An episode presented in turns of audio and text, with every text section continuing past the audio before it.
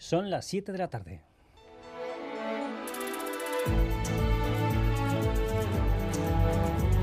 En Radio Euskadi, Gambara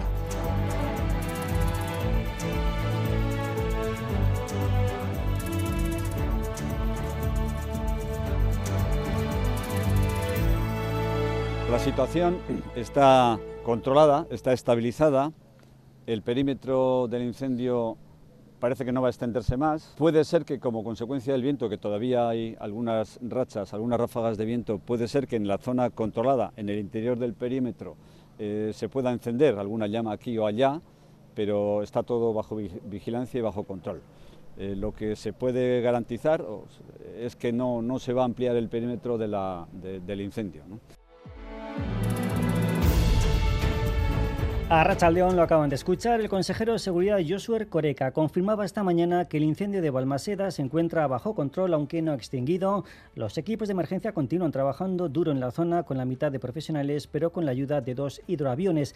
La zona está perimetrada y se puede trabajar mejor sobre el terreno, pero preocupa lo que pueda ocurrir en los próximos días. Las previsiones no son nada positivas y se espera que el viento pueda coger fuerza a partir de última hora del miércoles o el jueves y las temperaturas vuelvan a subir lo que no ayuda a las labores de extinción. Nos lo contaba José Antonio Aranda, el director de Euskalmet.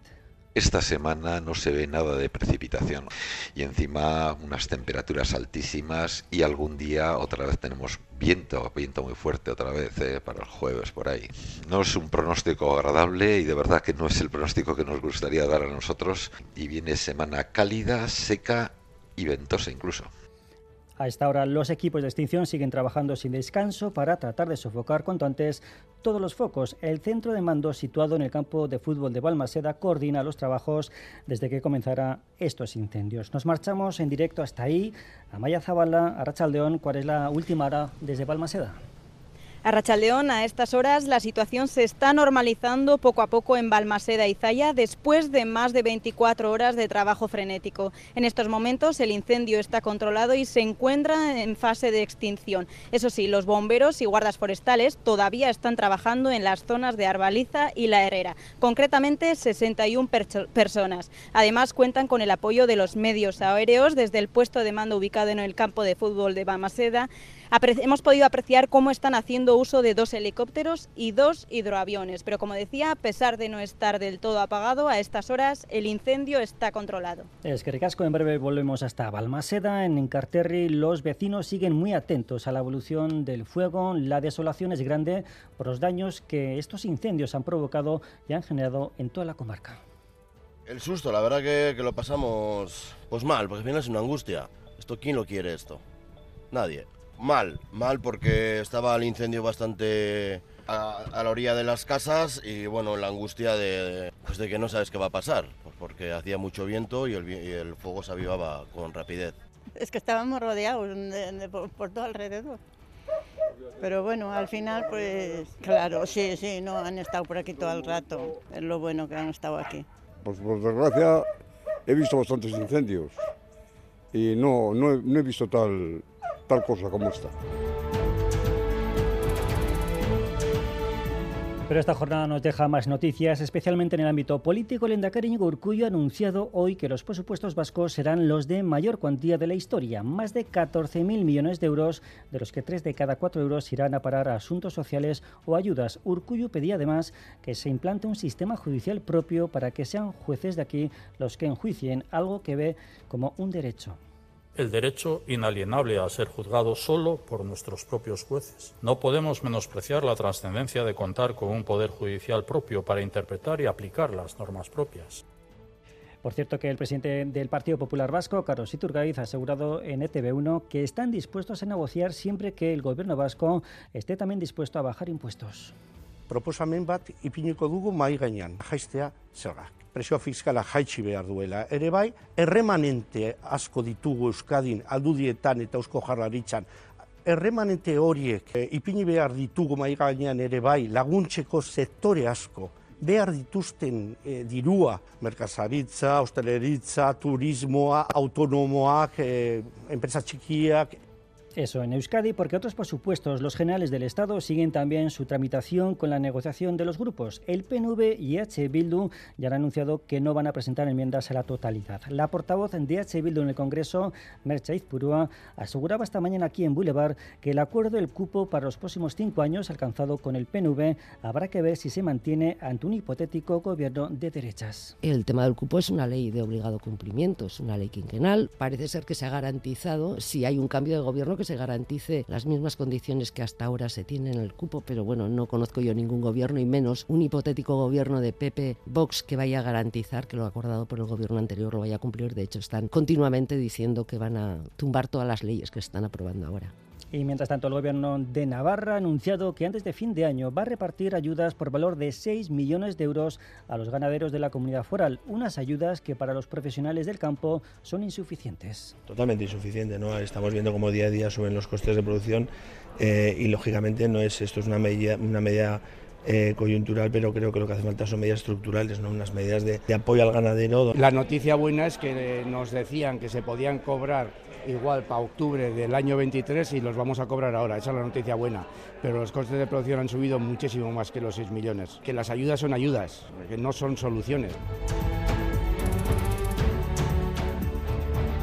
Una nueva entrega de ITV Data. Esta vez les hemos preguntado a ustedes sobre la movilidad. En Euskadi somos una de las comunidades donde más se emplea el transporte público, pero aún son muchos los que siguen apostando por el vehículo propio. Suelo utilizar la bici esta del ayuntamiento ahora y si no el bus, pero el metro no, pero por gusto, ¿eh? no por otra cosa. Un patinete eléctrico. Eh, no tengo carne, entonces jodido. Sin carne, mala, mala papeleta. Pero ahora con, con el patín estoy encantada. Hombre, no, no, no está preparada para ello, pero creo que con el tiempo, como se están poniendo muy de moda, porque esto va por modas, intentarán hacer más accesible, porque claro, yo sé que jorobamos mucho a los coches y todo eso y nos tienen como manía, y también a las bicis pero creo que con el tiempo se acostumbrarán porque está siendo un boom, un boom. Y en el mundo hay que mirar un día más al Reino Unido, que ya tiene, o en breve lo tendrá oficialmente, un nuevo primer ministro. Será Rishi Sunak. Acaba de ser elegido por los conservadores como nuevo inquilino del 10 de Downing Street, tras la retirada de Boris Johnson y también de Penny Moran. Una elección a la espera de su proclamación por el Parlamento británico. Sunak era ovacionado a la llegada de la sede de los Tory. I can confirm uh, that we have received one valid nomination. Era recibido con ovaciones el que va a ser nuevo primer ministro del Reino Unido. Y hoy aquí en casa también les hablaremos de los exoesqueletos, esqueletos, una especie de mochilas que van a ayudar a los profesionales que trabajan con pesos como el personal sociosanitario a tener menos lesiones lumbares. Es una prueba pionera que está llevando a cabo la UPV. Mayalen Ayestarán es una de sus responsables. Estas dos bandas elásticas se estiran cuando ella flexiona el tronco y entonces al hacer el levantamiento la energía que se ha almacenado en las bandas se libera y por lo tanto es esa energía la que le da la asistencia a toda la columna lumbar y a las estructuras adyacentes, dando la asistencia, reduciendo un poquito la carga lumbar, la actividad muscular y por lo tanto a largo plazo la fatiga muscular también. Un repaso a la actualidad que sin duda alguna también eh, lo tiene el deporte con esa primera convocatoria de la Copa del Rey, esas primeras eh, emplazamientos, ¿cómo ha ido para los vascos? Edu García, León. ¿Qué tal, León? Pues te cuento así rápidamente. Osasuna, por ejemplo, jugará contra el Fuentes Aragonés, la Real viajará a Toledo para jugar contra el Cazalegas y el Atlético Alicante para medirse al Alcira. Además, el Eibar se jugará el pase a la siguiente ronda contra las Rozas y el Deportivo la vez, por ejemplo, lo hará ante el Lleida. Del resto de emparejamientos, hasta 13 equipos vascos había en el bombo. Destacamos el duelo Real Unión eh, Cádiz en el Estadio Ungal o el partido que el Villarreal va a jugar en casa en Loinaz contra el Sporting. Además, estamos pendientes de algunos lesionados. Dani García y Herrera en el Atlético, captain Osasuna, y David Silva en la Real. Este ya sabemos seguro, tiene un problema muscular en la pierna derecha y en principio, seguro, no va a viajar a Chipre para jugar este jueves ante el Lomonia en la Europa League.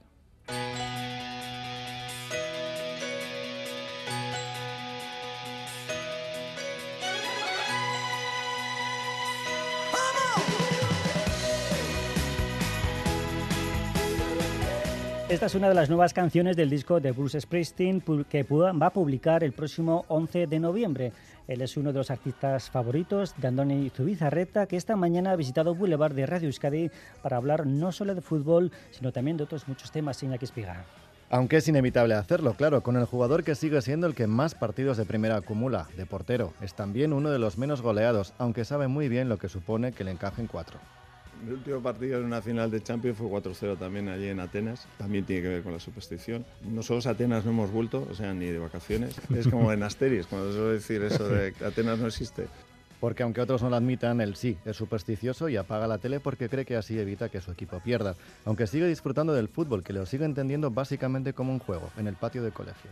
Es verdad que definirlo como un recreo es muy naif, pero sí es un elemento que te conecta con tu infancia. Soy de Arechavaleta, nosotros vivimos en la, en la plaza y las escuelas estaban, están al lado de, de casa. Cuando salíamos al recreo salíamos a la plaza, pero salíamos a la plaza no sé cuántos chavales de no sé cuántas clases, que entonces se jugaban partidos todos en el mismo sitio y nadie se confundía camiseta, ni de quiénes eran los tuyos, ni de quiénes eran los contrarios, y eso te conecta con eso. Johan Cruyff le solía decir a Jordi Cruyff, a su hijo, le dejaba, le dejaba en el cole y Johan decía, bueno Jordi, tú a estudiar y yo a jugar.